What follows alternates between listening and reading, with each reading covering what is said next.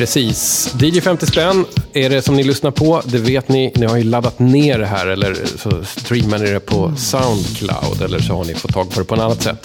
Jag vet inte vad det finns för fler format. Tommy Jönsson heter jag i alla fall. Det här är podden där en gäst får 50 kronor att köpa fem stycken begagnade och billiga vinylskivor för. Det är liksom hela idén och så är det lite lättfattliga kategorier. Eh, ja, eh, all musik kommer ju inte vara fantastisk, men, men, men förhoppningsvis kommer den vara intressant. Eh, jag tycker i alla fall att den här skivhögen jag ser framför mig ser rätt intressant ut och den har liftat hit med Rebecca Hedström. Hej! Tjena! Du är frilansjournalist. Man kan höra dig i podden Skaparna. Ja. Eh, som är en, ja du får nästan förklara själv. Ja, Skaparna är en intervjupodd som jag tillsammans med Sara Martinsson leder och vi träffar intressanta personer från det svenska musiklivet.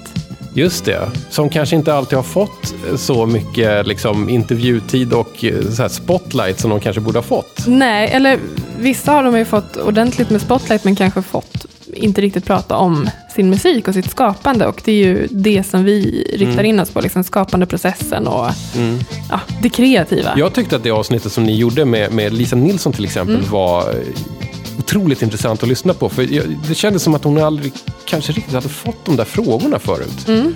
Eh, så, så, lite så att jag fick en känslan så här, jag gick grundande på så här, har vi inte tagit henne på allvar riktigt? Nej, men det tror jag inte vi har gjort. Nej. Jag vet, jag, men det är det som är märkligt, att jag vet väldigt många som har henne som en otroligt stark musikperson liksom, och artist i sina liv och i hjärtan får man väl säga. Och eh, en inflytelserik person som har funnits med sedan barndomen och sen den här mega Mm. Skivan 92 var det väl? ja, jag tror det. det. det. låter troligt. Att det ja. Var det. ja, så det finns en offentlig kärlek till henne som, som musiker. Men nej, jag tror inte hon har tagits på superstort allvar. Mm, mm. Hon är också inte så, så pretentiös. Så att hon, eh, alltså hon gör ju musikal nu. Ja, just det. Till exempel. Eh, och det kan väl också bidra till att vissa människor inte riktigt då, tar det på allvar. Nej, men då är man inte den där superseriösa artisten kanske. Precis. Tänker man mm. ofta. Ja. Eh, du skriver även för Nöjesguiden. Mm. Du har en blogg som heter Unfitney. Jag har alltid mm. undrat, vad, vad då Unfitney? Vad, vad är det? Unfitney, det är, kommer från Britneys eh, stora breakdown där 2006-2007. Ja, ja. När hon ja. rakade huvudet och eh, hängde med Sam Luftig och eh, var på bensinmackar och handlade lite snacks på nätterna och sånt där. Det var en, det känns ju som en väldigt här, omskakande tid och händelse. Liksom. Det är väldigt mm. så definierande för vår tid på något sätt. Mm. Men, men, är du en Leave Britney Alone-människa? Ja, jag har en t-shirt. Du, du har t-shirten? Ja, ja, som jag inte kan få mig att slänga. Den är helt värdelös men jag kan inte slänga den. Men, men har du den på dig ibland då? Alltså, det är den sista t-shirten jag sover i om allt annat är smutsigt. Den är inte, den är inte skön heller. Men, men den har ett statement som du ändå står bakom 100%. ja. ja. Jag är svag själv för Britney Spears. Ja. Det, det, det, finns ingenting som, som slår en Britney Spears comeback-singel som börjar liksom med att hon väser. It's Britney bitch. Ja, precis. Fy fan vad hennes eh, album från 2011 var bra. Älskar det. Mm. Ja, men eh, hon har säkert fler i sig. Det, det, det, ska bara vara rätt läge så kommer hon tillbaka där. Mm. Det, det, är härligt att, att, att, ha med dig här i, i, i DJ 50 spänn. Jag, jag vet faktiskt inte så mycket om din exakta musikprofil egentligen. Mm. Va, kan du berätta lite, vad, vad är din musik?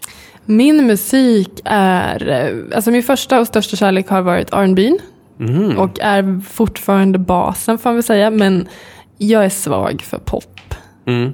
överlag. Och då menar jag inte indiepop eller den sortens pop, utan jag menar liksom superkommersiell me megapop. Pop, pop. Pop, pop. Jag älskar pop, pop. Och eh, jag tycker mycket om hiphop. Och... och då undrar jag sen så också, eftersom det kommer handla om gammal kantstött musik här. Mm. Om du letar efter gammal musik, vart söker du dig då? Eh, jag söker mig till gammal musik jag hittade när jag var tonåring. Mm. Och nyfiken på livet. jag söker mig till eh, gammal soul. Ja, okay. Mest. Alltså Motown och eh, musiken som typ massproducerades då Ja. på de storbolagen i alla fall. För, för att det, det kommer ju bli gammalt här och dammigt och, och jag vet att du har köpt skivorna här någonstans i Stockholm. Var någonstans är de ifrån? Jo, de är från Runt Runt på Odengatan. Just det, en, en ganska bra, ett hyfsat 10 kronors sortiment får man väl säga ändå. De hade fem eller sex backar ute på gatan. Eh, där jag satt på knä och rotade. Eh, det var väldigt snackig stämning. Det kändes nästan schablonartat för jag kommer dit, går på gatan. Det står en snubbe som visar sig vara ägaren ute på gatan och snicksnackar med folk och dricker en liten kaffe. Och när jag stod och rotade i backarna, för alla 10 kronors backarna var utanför på själva gatan. Ja, folk som kom förbi började snacka lite. Det var så här, jag vet, det var eh, hängig vibb. Det, det är ju bra. Mm. Väldigt bra. Att det känns som att det där skulle egentligen kunna vara det som man alltid tror att ett, ett kvarterscafé eller en kvarterskrog skulle kunna vara. Men Ja. det där kanske är liksom ännu bättre liksom för så här, en snicksnack-magnet. Finns det några skivbutiker som säljer öl och sådär? Det borde ju finnas. Vilken fantastisk idé egentligen. Mm. Det här är ju någonting som, det kan ju bli din mission in life att, att få det här att hända. Ja. Å andra sidan, jag, jag vet faktiskt inte exakt hur jobbigt klientel som det kommer bli. Vidrigt tror jag. Alla självutnämnda musikexperter som häller i sig några öl och blir ännu mer musikexperter. Det kommer bli mycket slagsmål på den här, på den här baren tror jag. Jag också. Hör du, nu, nu är jag lite spänd på att höra här eh, dina fem eh, fynd. Va, vad säger du om att vi börjar med... Chansningen. Jag stod alltså på knä där ute på Odengatan och hade ont i ryggen och svettades. Och det var någon gubbe som snackade med mig. Eh, och så såg jag en turkos himmelsblå vacker skiva med tre glada kvinnor på. Så tänkte jag, det här måste vara, det här tror jag är bra. Jag tror att det finns eh, sommarmusik och jag tror att man blir glad.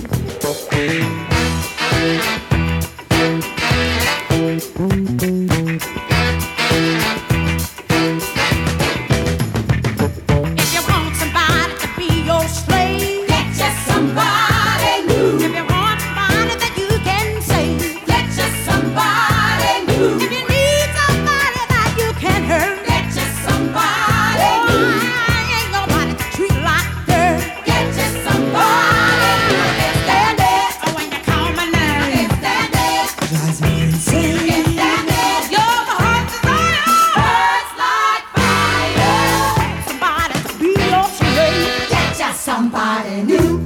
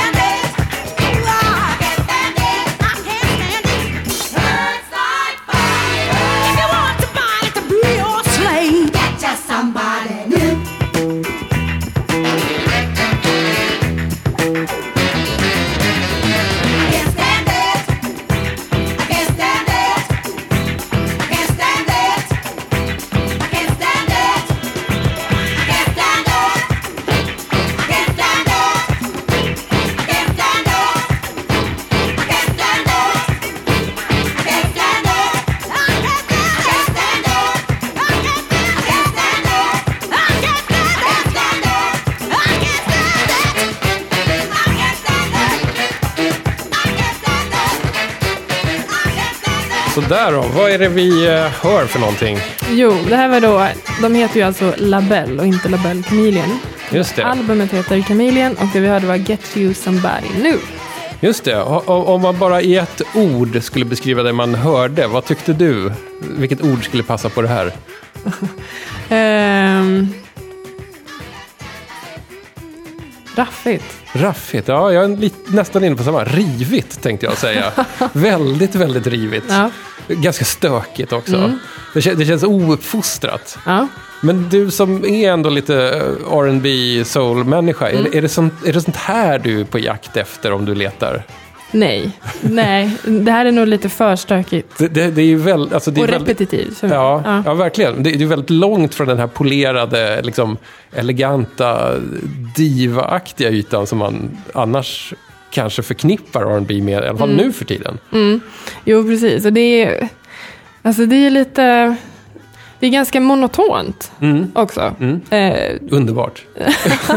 jag tycker om när det är ganska melodiskt. Här är det ju mycket, de- det är ju riff, Mm. eh, riff-rock nästan.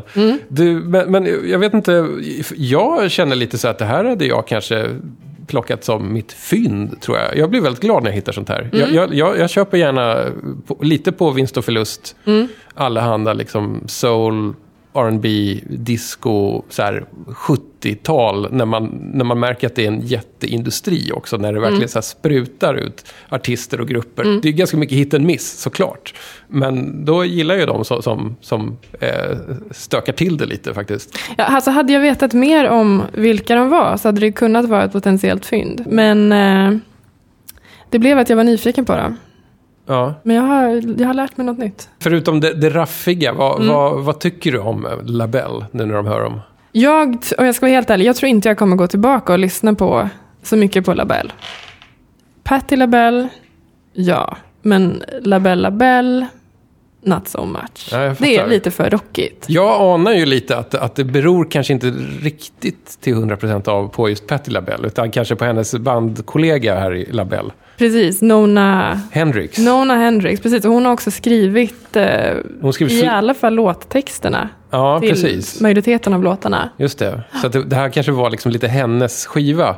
Jag, jag det här vet var ju deras Ja. sista skiva. De gav ut en ny skiva 2008. Jaha, oj, ett hade återföreningsband. Typ, ja, exakt. Men de hade ju typ över 30 år långt Mm. uppehåll och de bröt upp, har jag lärt mig, för att de hade just, de ville gå olika håll Mm, musikaliskt. Mm, precis. För vad det gäller Labelle och Patti LaBelle och sådär så tr- tror jag att det, liksom det första som kommer upp i huvudet det är väl alltid Lady Marmalade. Mm. I och för sig lite rivig och raffig också, men inte riktigt som den här. Nej, det är något annat. Ja. Och Lady Marmalade har ju fått nytt liv så många gånger också. Det är lite grann av en, av en karaoke-sång får man väl säga. Alltså Mm. även för, för etablerade artister. Nu kan inte jag alltså räkna upp det så här, men den blev ju en hit i början på 00-talet med Mm. typ 25 eh, samtida liksom, sångerskor. Jag tror jag kan, jag kan nog räkna upp dem. Få, höra. ja, Christina Aguilera, Just det. Pink, Va? Lil- Va? Mm. Va? Ja, okej. Mm. Lil Kim, Mm. Maya Mm. eh, och förmodligen någon till. Men var inte också Miss Elliot med på den? Inte, nej, nej. Nu tänker jag på tror någon annan kanske. Ja, men eh, Lil Kim, Christina Aguilera, Maya och Pink. Det kanske bara var dem. Ja, Det är ändå hyfsat många. Mm. Det är skitmånga. All Saints gjorde en version också. Ja, herregud. På 90-talet. Ja, men, nu, nu, nu, men du, jag, jag, jag vet jättelite om, om Labelle. Det Mm. känns lite som så här... Man känner igen namnet men vet inte så mycket om det. Jag, Mm. jag skulle gärna lyssna mer på, på uh, typ den här skivan eftersom Mm. jag är eh, pro-stök. Eh, jag vet inte, vad, vad kommer du göra med den här skivan efter? Ingenting. Ingenting? Nej. Sätt upp den på väggen. Ställ tillbaks den i runt-runtsback annars. Om någon annan hittar den. Eller ge den till någon vinylsamlare.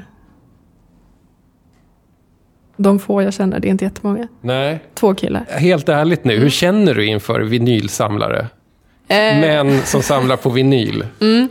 eh, jag känner att det finns eh, två generationer, eller flera generationer. Men jag känner att alltså, är, det en, är det en man som är som har börjat köpa skivor då vinyl fortfarande var något man köpte. Mm. Så tycker jag att det är något annat än när man är mellan 20 och 30 Mm. och köper vinylskivor.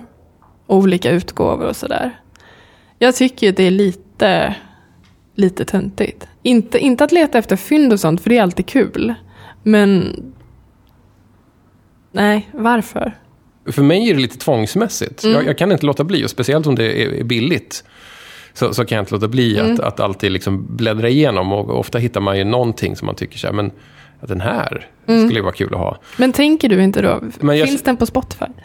Nej, det brukar jag kanske inte göra. För att jag brukar ändå liksom... Det, det, Spotify är någonting som jag kanske använder liksom på arbetsplatsen. Eh, inte så mycket hemma. Och, vin, vinyl lyssnar jag på hemma. Men jag känner ju alltid liksom lite sådär...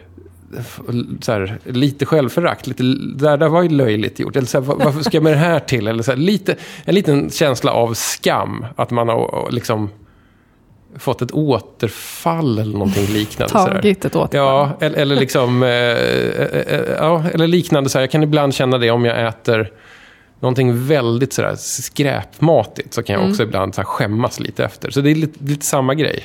Men var, varför skäms du?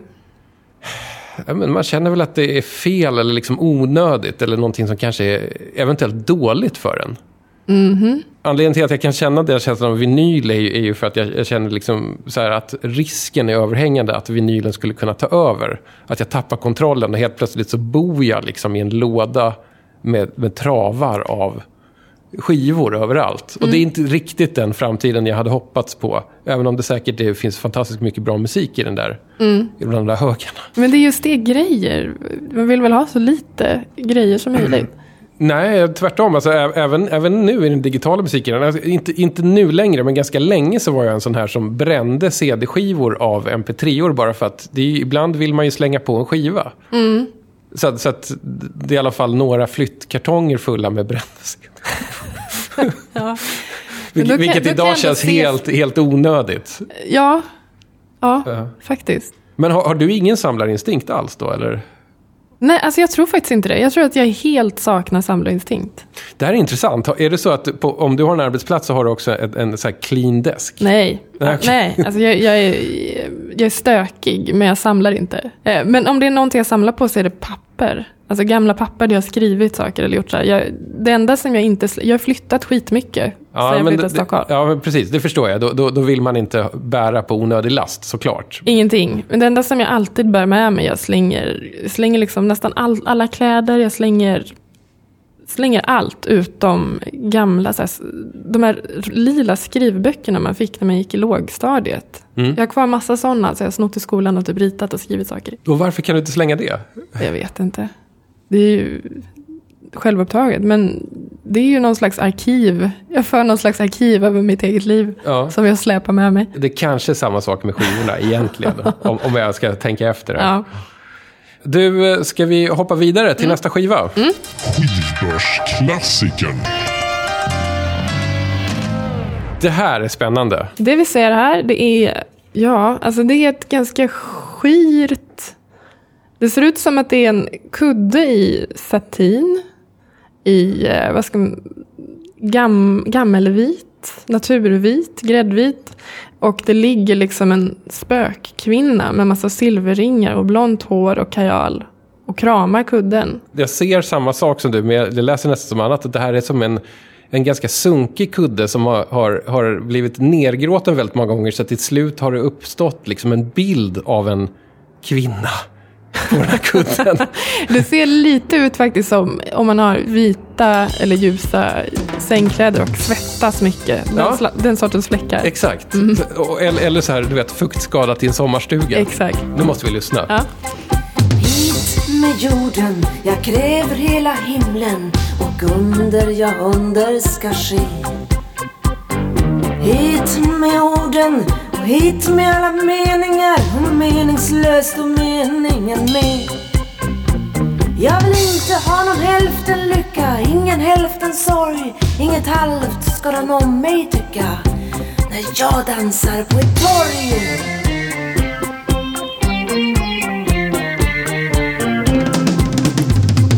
Hit med jorden, hit med alla kärlekar som kärleksfullt och kärlekslöst brann ut. Hit med orden som beskriver lust och längtan och himmel och hav och salut. Mig mutar du inte med stycken, jag schackrar inte mitt liv. Nej, helt och fullt så vill jag ha det. Jag vill inte ha någon hälften lycka, ingen hälften sorg. Nej, helt och fullt så vill jag ha det.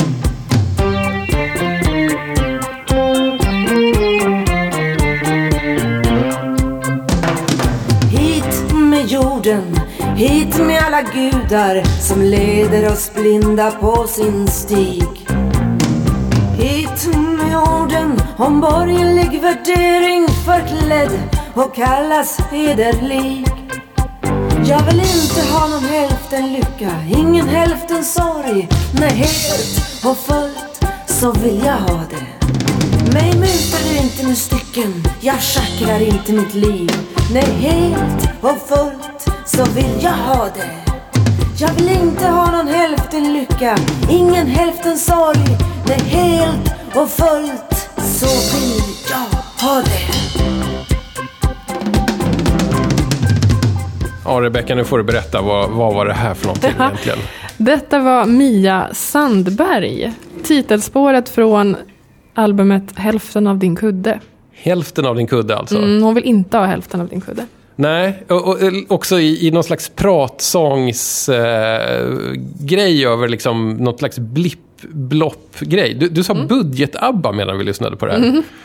Eh, Jag, jag förstår. Jag, tänk, jag undrar om det inte liksom är lite, också lite så här fem kronors eh, Marianne Faithfull, typ, alltså så här eh, runt de, den tiden när liksom Marianne Faithfull gjorde de här lite syntiga skivorna som, som man fortfarande kan höra hitten på fr- från i, i typ Radiosporten om man har otur någon gång. eh, vad, vad tyckte du? Eh, ja, men alltså spontant. Jag kommer ju aldrig sätta på den här låten när jag vill höra en bra låt. Nej. Eh, men jag gillar det. Jag känner mig ändå glad när jag hör det här. Jag tyckte att det kändes som att det här är fan ändå någon som har gått, gått ut och gjort sin grej. Ändå på något sätt originellt, tycker jag. Mm, ja, det tycker jag också det känns som. Och det finns, om man tittar här på baksidan av... Eh, he- nej, det heter inte Omslaget? fodral, Omslaget. Ja. Eh, så finns det en målning här av någon slags eh, älvjokerkvinna. Det är lite tarot-inspirerat, är det inte det? det känns väldigt Ja. så övernaturligt. Eh, Törnrosa någonting, någonting står under målningen att den heter. precis, och, Och det är det- Mia Sandberg som har målat den. Ja, jag får lätt, eh, in, kanske inte antroposof-vibb, men ändå liksom någon slags här new age känsla av, Ja. av det här. Ja, absolut. Och det finns också någon slags, eh, det är en text här också på baksidan skriven av Lars Forssell, som har någon slags Norrlands-exotism. Mhm. Jag kan citera här. Det finns ett härligt trots i Mia Sandbergs sånger, liksom hennes intensiva sätt att framföra dem. Kanske kommer det från Norrland som hon själv, eller från den vackra jordnära norrländska dialekt som man fortfarande kan spåra i hennes röst. Ja. De är som morgonsolen över hennes pensels ofta förvridna landskap och spöklikna människor. Det är något eh, väsen-grej ja, going on här. vä- väsenpop helt enkelt. Ja, det är det. Mia Sandberg, alltså, vi har försökt plugga på så gott vi kan Mm. om det. Det finns inte superduper mycket information om hennes skivor. För hon släppte två stycken i Sverige och undrar om inte hon gav ut faktiskt en i Danmark också innan det. Mm. Och lite singlar och sådär. Så att, och det är utgivet på Soné, Sonett, eh, alltså som då var tror jag ändå ganska hyfsat stort bolag i alla fall. Ja. Så, så det, det är ju liksom ett, li, li- lite märkligt att man inte har hört talas så mycket om henne. Men jag undrar lite, hur, hur, var det här skivbörsklassikern alltså? Hittas det liksom mängder av den här? Så här var det, det fanns, det fanns två exemplar av den här. Ja, Eh, och det fanns två exemplar av en annan skiva också. Vilken var det? Det var en skiva med eh, Vie och Afzelius. Ja, ja, ja, och när jag vilken det höll Ja. i den så kom en man fram till mig och sa, "Ja, finns det något bra här? Ja, den där är ju bra. Och då blev du avtänd på den. Då Nej. blev det Mia Sandberg. Men det kändes så mycket roligare med den här. Absolut. Jag är väldigt glad att du tog, tog, tog, med, tog med just den här. För att det, det, var, det här var liksom he, någonting helt nytt. Men det här tror jag att vi båda har, har hittat att Mia Sandberg är ju i högsta grad levande och verksam fortfarande. Hon har ju någon slags, hon bedriver någon slags eh, psykoanalys eller analysverksamhet. Hon är fortfarande, jag tror att hon hjälper människor hitta sitt uttryck via konst och musik. Mm. Och eh, andra kreativa uttryckssätt. Och hon släppte ett skilsmässoalbum tillsammans med, ett väldigt ambitiöst projekt, tillsammans med en skilsmässokonstbok Mm. som hör till för inte så länge sedan alls. Skilsmässoalbumet går ju faktiskt att lyssna på på, på Spotify. Jag lyssnade lite grann på det. det. Det är väl inte helt väsensskilt från det här, men det kanske är lite, lite jordigare i instrumenteringen. Kanske liksom lite mindre originellt. Kanske inte lika mycket pratsång. Jag lyssnade inte på hela, men jag lyssnade på bitar av det i alla fall. Och jag, jag, jag fastnade för att hon jobbar då med någonting som heter bildanalytiskt strukturorienterad symbolmetod. Oj. Med andra ord basmetoden. Det, det är ju liksom vad hon håller på med. Så här. Och hon jobbar också med liksom parterapi. Så att Mm. förklara väl det här skilsmässoalbumet. Skulle du kunna tänka dig att gå i terapi hos Mia Sandberg? Nej, Nej, varför det? för att jag tror inte att jag och Mia Sandberg har samma blick eller syn på relationer. Jag tror också att Mia Sandberg är en kvinna som har haft väldigt, väldigt många romanser i sitt liv. Mhm. Och att det finns en anledning till varför det har varit så många. Jag tror inte hon är bra på att hålla ihop. Nej, nej, nej, okej. det är min ja. fördom fullständigt. Nej, men hon känns också, om man får säga så, jag tycker också hon känns som en grov eh, biologist. Det, det, det kan man ju tänka sig, för att det finns väl någon slags här, koppling mellan här, biologist och någon slags här, psykoanalysmetoder som har med någon slags här, arketypiska bilder att göra och just den här liksom, lite new age-vibben. Jag, jag är mest glad att det inte hördes så mycket i musiken. Att, det, att det var ändå ganska ja, pop, liksom, med, med någon slags konstnärlig touch ändå. Jag började ju googla loss på bildgoogla på Mia Sandberg så här, bara för att jag ville se fler och fler målningar. Och det, var, det var mycket katter, dockor, frukter, lite så här regnbågsskimmer. Lite dragning åt någon slags surrealistiskt håll. Så, där. så jag, jag bara tänkte att nästa gång jag ser ett litet anslag på en anslagstavla om ett Mia Sandberg-vernissage, jag kommer vara där. Och förhoppningsvis med en 10 skiva som jag får signerad. Jag tror hon är härlig. Jag tror bara att hon eh, tror mycket på urkvinnan. Det är därför du inte skulle känna att du skulle dra jämnt med henne helt enkelt. Du är inte inne på den Ja, grejen riktigt. eller, jag tror absolut att jag skulle dra jämnt med henne, men jag, jag tror inte att jag skulle söka mig till henne för eh, relationsråd. Finns det någon annan eh, person som har spelat in skivor som du skulle kunna tänka dig att söka relationsråd från? Eh, jag vet inte, Thomas Ledin? Ja, kanske. Verkar inte han ha rätt gott? Jag tror att han också är, om jag har förstått det rätt, så är han andligare än vad man tror. Ja, ja, ja. Att han har varit inne på eh, buddhism och meditation och qigong och sånt där. Ja, ja, ja. Så att det, det finns mer än liksom bara de här sköna Pripps Blå-låtarna. Att det finns, det, finns någon, det finns en andlig sida av Thomas Ledin som man kanske inte riktigt har släppt fram i sina låtar. Mm, men det finns en barfotaman där. Ja, det är bra. En barfota man från, från Sandviken. Men hur är det med eh, Björn och Benny? Har de några sådana? Jag, jag vet att Björn Ulvaeus, Ja. han är stenhård ateist. Han, han är med liksom i den här Christer Sturmark-kretsen av människor. ja. Benny vet jag inte, men jag, jag har ju... Om jag får teoretisera fritt och fantisera lite så tror jag ju att, att Benny Andersson är liksom lite så här smygkristen på det där sättet, lite som Göran Persson är. Men han, att han inte kanske vågar gå ut med det officiellt, för då skulle ju hans gamla liksom, businesspartner Björn Ulvaeus gå åt andra hållet. Mm, jag fattar.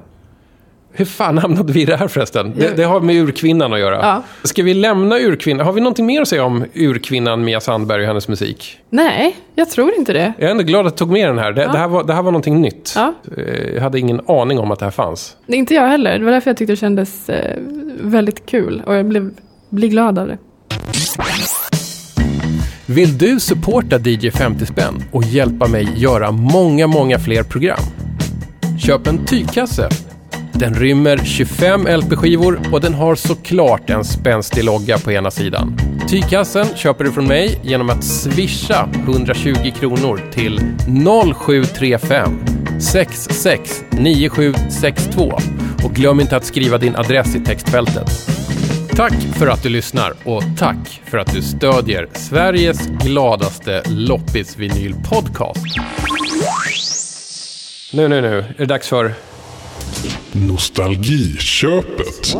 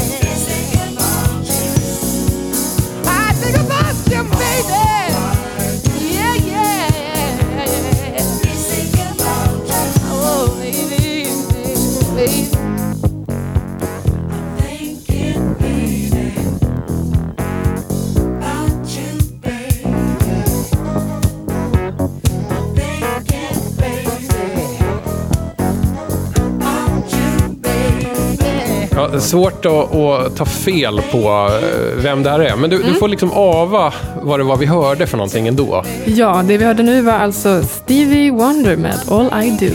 Just det. Från albumet Hotter than July. Precis. Han är jättesvettig på omslaget. Ja. En målning av honom.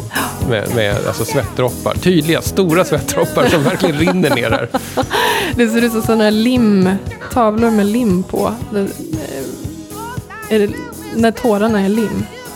Det, det, det här har jag missat helt. Vad är det för någonting? Men det finns, det finns eh, konst där, typ gråtande barn och sånt, där tav, själva tårarna är liksom Så det, riktigt liksom, lim. så, så att det står ut liksom. Sådär. Jaha.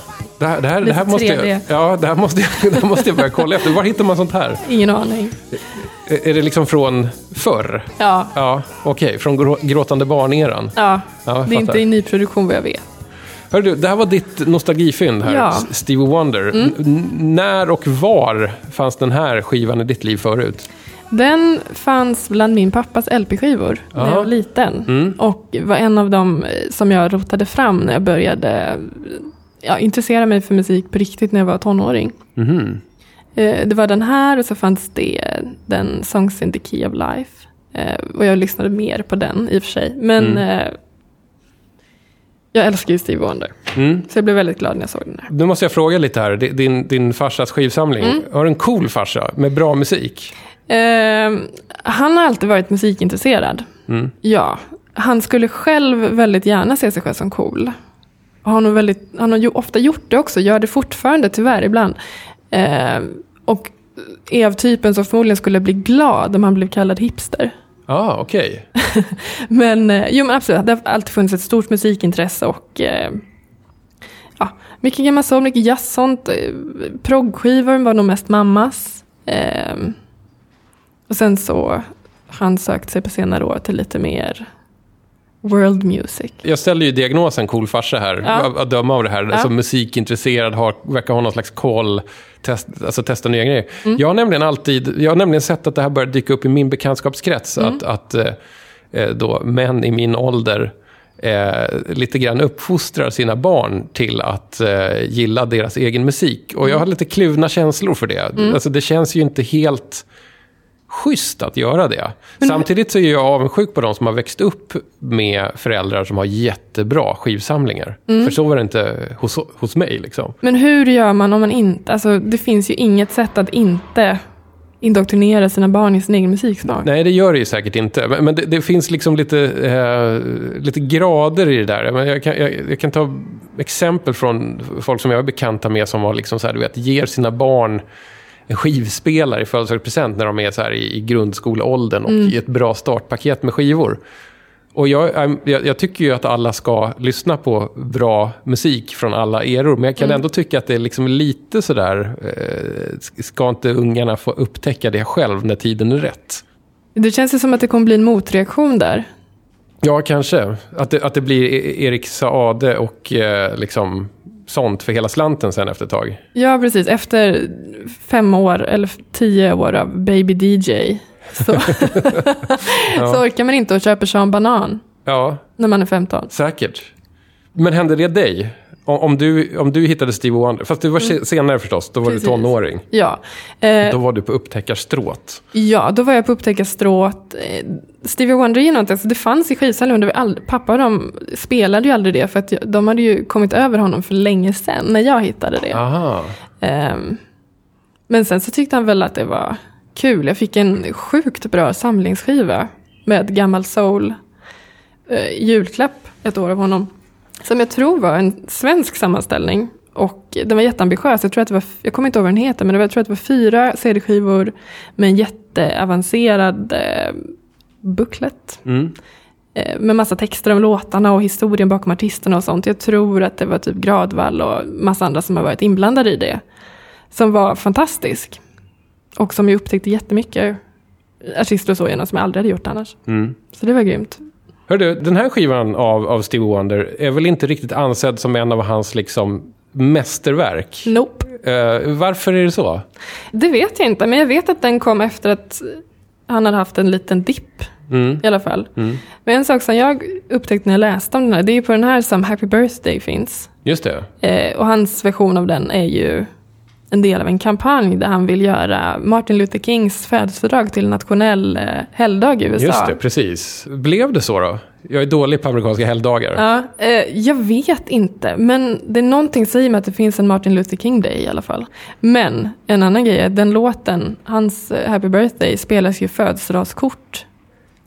Det tyckte jag var lite sorgligt, att det Ja. var liksom där det hamnade. Ja, man får hoppas att han får någon slags upphovsrättsersättning för det. Det får för, han. för varje chip som kan spela Happy Birthday. så.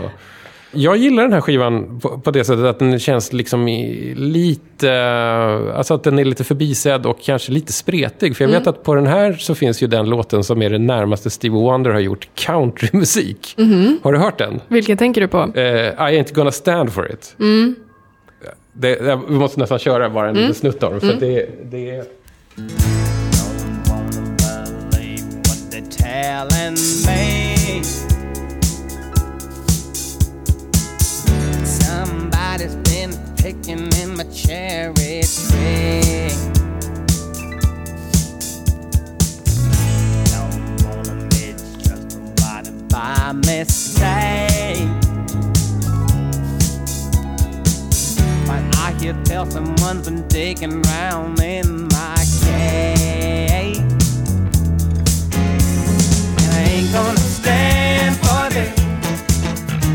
Ja, vill man höra mer så går det bra att knata ner till närmsta skivbörs eller loppis. Ni kan hitta den här. Den är inte jätteomöjlig att hitta i alla fall. Nej. Och eftersom den är typ uppressad i en ziljon exemplar så är den inte värd någonting. Så den går att Nej. sälja för 10 spänn var som helst. Vil- Vilken är din favoritplatta med Stevie Wonder? Ja, men det är nog Songs in the Key of Life. Varför det? Men jag tycker bara att den är... Den har melodiska klassiker. Eh, men eh, jag vet inte, alltså Stevie Wonder är också en sån person som eh, jag har hört lite låt för låt och inte så mycket som en albumartist. Jag tror i och för sig att han alltid har tänkt väldigt mycket album. I alla fall Mm. liksom under storhetstiden. För att den som kom innan Hotter than July, det är någon slags konceptskiva om växter har jag för mig. Mm, det var den som gick dåligt. Ja, alltså, det, världen var inte redo för att, liksom, att Stevie Wonder gör, eh, vad, vad det nu hette, A Day in the Life of Plants. Som Nej. handlar om så här, hur det är för växterna. Nej. Ja, jag- jag, jag- gillar initiativet. Det kan ju vara så att det är sämre låtar på den. Jag vet inte. Har vi, har vi någonting mer att säga om eh, din, din, eh, ditt nostalgiköp här? Eh, nej, inte mer än att jag alltid blir väldigt lycklig när jag hör Stevie Wonder sjunga. Mm. Han har en väldigt ehm, ung och så här ren klang i sin röst. Som han försökte ta bort nu. när Han sjöng Mm. Ja, när vi hörde I ain't gonna stand for it. Nej. Men framförallt så var man hörde att han verkligen kämpade för att inte glida upp i det där rena Nej. uttrycket utan att pressa ner. Eh, Det är också så här att eh, i, i uppdraget att, att eh, shoppa skivor för DJ 50 spänn så ingår det ju också att, att en skiva ska tas på, totalt på måfå. Liksom, med, med, med slutna ögon och sådär. Random Access Vinyl. Och du har fiskat upp någonting som... Vad fan är det där? Det ska jag berätta. Visste du någonting om, om, om den här eh, filuren som du ser på omslaget? inte ett skit. Nej, inte Nej. jag heller. Även om det känns som att... Nej, vet du vad? Inte ens namnet säger mig någonting. Det, jag, det får mig att tänka på resecheckar. Kommer du ihåg att det fanns något som hette resecheckar förr i tiden? Äh, Innan bankkorten hade slagit igenom totalt. Nej. Då skulle man alltså ha en papperslapp som man kunde lösa in någonstans och få ut som kontanter i, i det landets valuta. Okej. Och de hette någonting med ja, namn som hette sådär.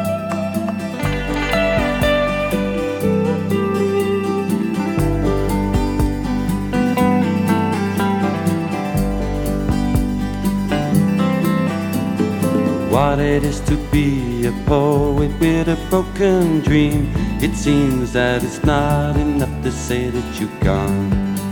Oh no, no. Loving you has made me bluer than an empty sky is not enough.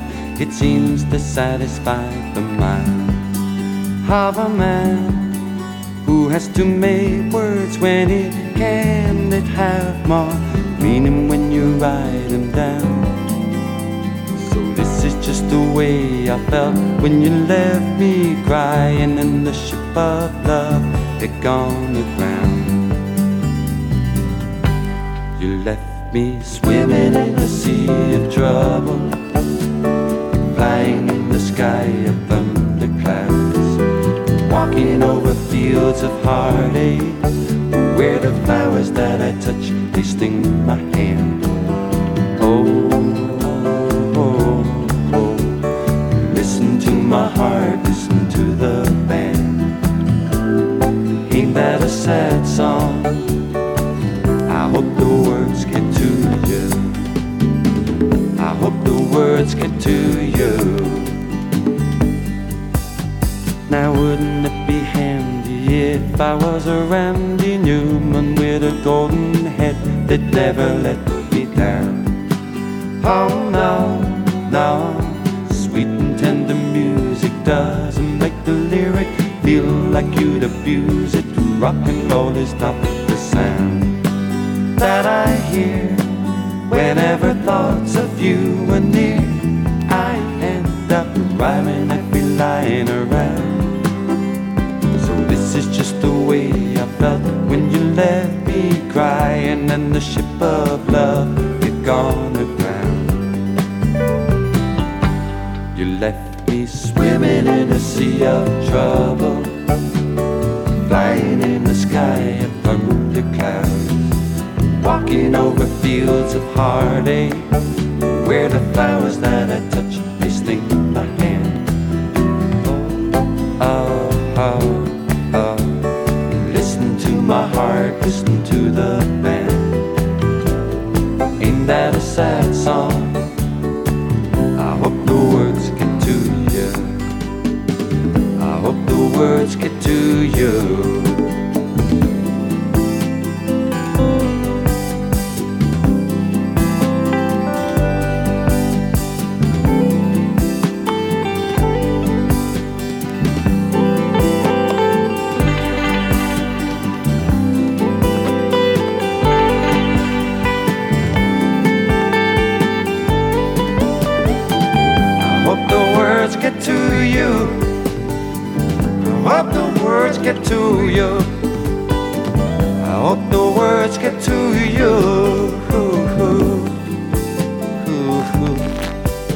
Okej, det här var, det här var Roger Cook. Mm. Ett album som heter All Right. Eh, från typ så här 70, nu, 76. 76. Ja, det, det hörs väl nästan. Vad, det, för nästan. Det här omslaget det är liksom en, en skäggig man på något Ja, sätt. det är, eh, det är ett svartvitt foto av en eh, skäggig man med någon slags pottfrilla och en gles eh, liten lugg. Och en tjock mustasch och en liten goatee under där. Bar överkropp, ett smycke, eh, kavaj också, kavaj bar överkropp, ett smycke som ser ut att vara någon slags barn med påsar i händerna. och eh, ljusblå jeans och en gitarr och så blundar han och eh, Ja. ser lite njutningsfull ut. Ja, det, det hör man ju på den här låten vi hörde nyss, så, som heter Swimming in a sea of trouble, att han, att han sjunger med slutna ögon. Så, Ja. sånt, sånt kan man ju höra. Jag tycker på omslaget att han ser ut lite som att han skulle kunna vara släkting till typ en farbror eller någonting till, vad heter han, Adam i Girls. Kollar du på Girls? Ja. Eh, ja, men lite grann faktiskt. Det, det är någonting lite så här, det, det, det här lite muppiga, glesmustaschiga utseendet som, som kan vara både snyggt och eh, lite äckligt. Ja, men Adam är ju väldigt eh, ful, snygg, äcklig. Ja, Ja, men det kan man säga att han är också. Det här var ju, skulle jag vilja påstå, det här var ju mjukare än The Carpenters. Och då, då är det mjukt. Alltså, du, du- sa ryggradslöst. Att det var liksom... vad, vad hade du väntat dig när du, när, du, när du tog upp skivan och såg den? Så här, den här. Ehm, ja, vad hade jag väntat mig? Jag trodde nog att det inte riktigt skulle vara så här mesigt. Jag tänkte väl att det skulle vara i den här stilen, men lite rivigare kanske. Man hade kunnat hoppas på att det skulle vara liksom lite så Fleetwood Mac-känsla Ja. eller någonting. Det, det kanske finns på andra spår. Vi, slumpade lite nästan lite, alltså bara tog ett spår här. För att vi, in, ingen av oss vet särskilt mycket om Roger Cook. Nej. Jag har kollat upp lite då är, då är han, han är ju en sån här su- superduper produktiv låtskrivare. Japp. Som har säkert, alltså han har ju väldigt många hits på sitt samvete. Ganska många, noterade jag, väldigt många bortglömda hits. Sånt som var stort på början på 70-talet som, men som ingen har hört talas om idag. Ja, jag tror han fick sin första stora hit typ 65. Mm. Så däromkring var väl hans storhetstid som låtskrivare, tänker jag mig. Och Ja, han skrev mycket med en man som heter Roger Greenaway. Eller? precis. Som inte verkar ha någonting med filmaren Peter Greenaway att göra alls. Nej. Tror jag i alla fall. Jag, jag försökte hitta någonting, någon länk där, men jag gjorde inte det. Sen vet jag att Roger Cook och delar av hans gamla band, som jag tror heter Blue Mink, också var med på Elton Johns första skiva. Ja, de, Det är väl liksom den här superstar-kopplingen vi kan hitta i den här. precis. Och det finns faktiskt Elton John-koppling, kommer på nu, både till Roger Cook och till eh, Labelle. Jaha, De har också haft något med eh, Elton John att göra. På Okej. 70-talet. men du, vad, vad ska man göra med Roger Cook? Ingenting, tänker jag. Det här var skittråkigt, Ja, faktiskt. ja. Men det jag vill säga är att Roger Cook har ju varit med och skrivit ehm, tillsammans med eh, Roger Greenaway, om jag inte minns fel, den här Coca-Cola-låten. If I could teach the world to sing. Du, du menar den som var liksom i, i så här, eh, vad heter det, Don Drapers uppenbarelse sista Man Men-avsnittet? Exakt. När han sitter och mediterar och kommer på att så här ska vi sälja Coca-Cola. Japp. Fantastiskt. Japp. Men det, ja, men det kan man fatta när man hör den här låten. Att kan man göra någonting sådär fluffigt, då kan man göra Coca-Cola-jinglar som är alltså, lite så här hyperkommersiell hippie, eh, hippie-wash, eller vad man ska kalla det. Men eh, ja, alltså vet inte. Inspelad i Nashville såg jag. Roger Cook verkar ha haft mycket business där. För han är liksom den första britten som hamnade i så här, Country Music Hall of Fame. Exakt. Inte för att jag skulle riktigt klassa det här som country. Men det, alltså, är det inspelat i Nashville så kanske det räknas som det. Ja, kanske. Men det var, alltså, med största sannolikhet så är det här ingen, inget album att bry sig i Nej. överhuvudtaget. Och Nej. det finns inte heller någonstans. Han har ju släppt några andra soloplattor som det stod desto mer om. Den här Ja. var, ja, man kunde hitta den typ på Discog, så det var det. Det fanns med på Mia Sandberg, om man Ja. letar musik. Precis. Men, men eh, Mia Sandberg kanske har mer att komma med också. Alltså det finns någonting mer intressant där, Ja. kan man kanske tänka. Du, eh, bara en skiva kvar i högen här nu. Det är dags för... Fyndet. ja, Det trodde jag inte. Nej, inte Men ändå är det ditt fynd här. Ja, det här är ändå mitt fynd. Det är, det är ganska godtyckligt valt fynd får man säga. Som jag, är jag är varken skivsamlare eller jazzkännare.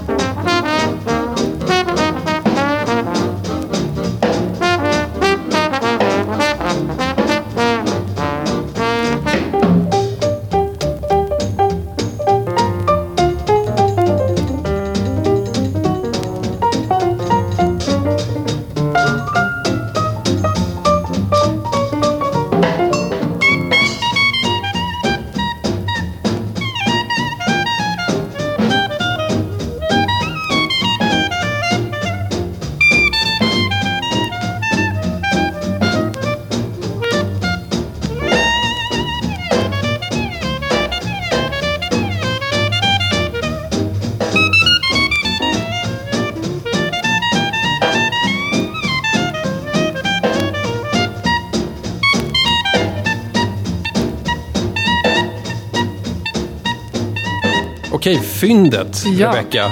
Berätta, vad var det här? Ja, men det här var ju då eh, låten One Night Stand med Artie Shaw and his Orchestra. Artie Shaw, alltså. Nu, nu, nu är det liksom... Jag är jättedålig på jazz. Swing, gissar jag på. Det gissar jag också på. Storbands eh, jazz och swing. Ja. ja. Och vi har lyckats läsa oss till att den här låten är då inspelad någon gång mellan 1938 och 1941, va? Precis. Eh, 38 faktiskt Ja. tror jag. Ja. Mm.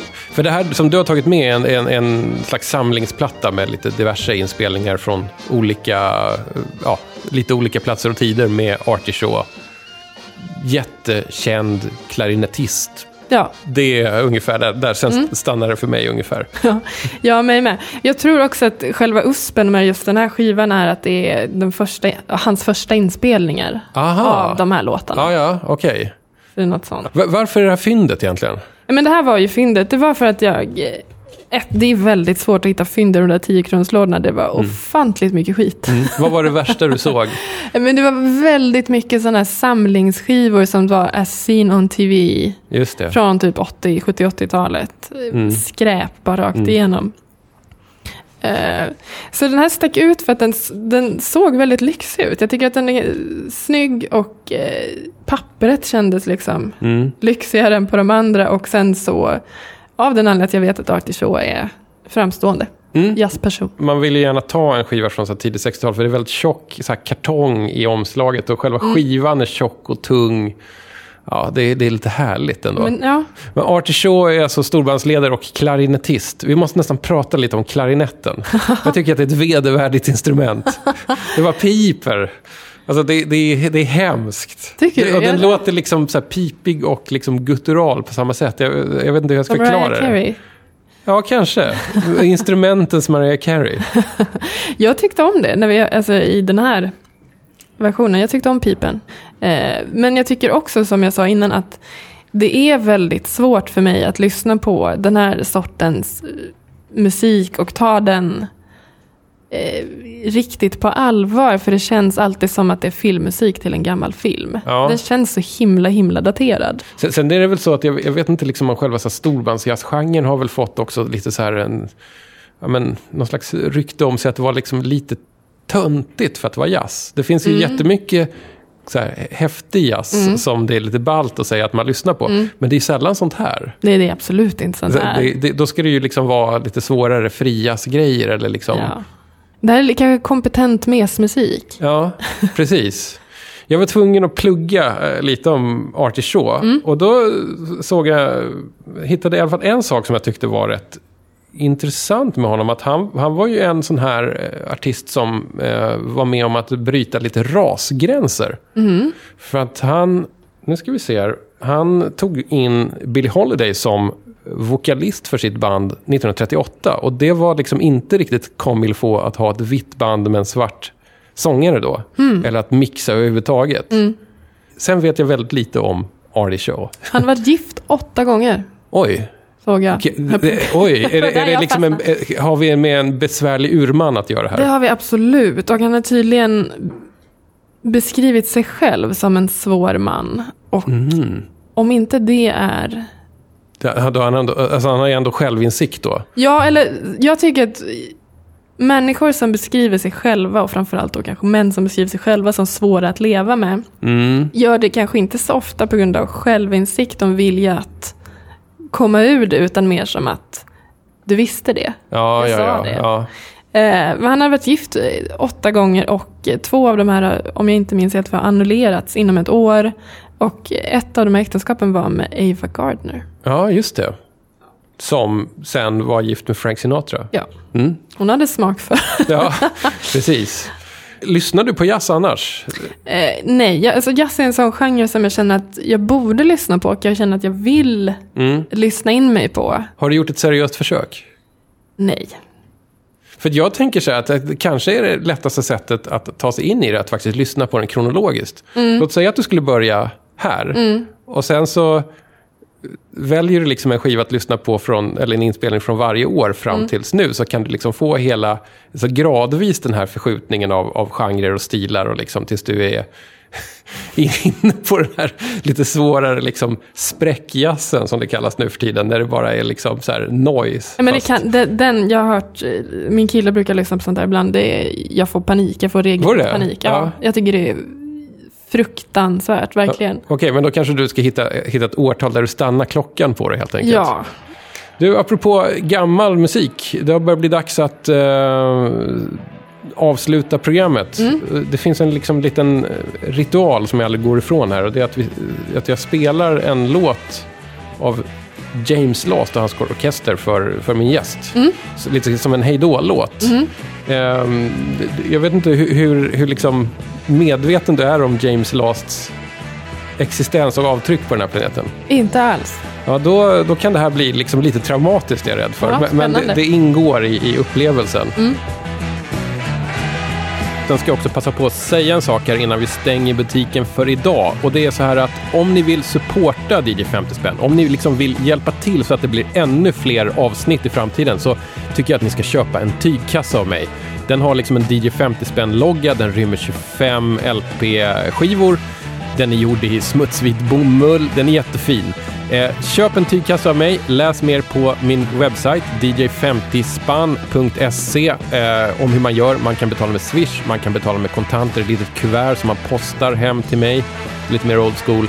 Eh, ja, gör det bara. Jag är jätteglad för att ni lyssnar och för att ni shoppar tygkassar av mig. Rebecka, det var härligt att ha dig här. Jättekul att få komma. Rätt spännande urval ändå måste jag säga. Du, du är nog den första som har slängt upp en jazzskiva som fyndet tror jag. Nice. Så att du bryter lite ny mark här, det ska du vara Härligt. stolt över. Ja, det är jag verkligen. Ja. Då säger vi hej då. Hej då!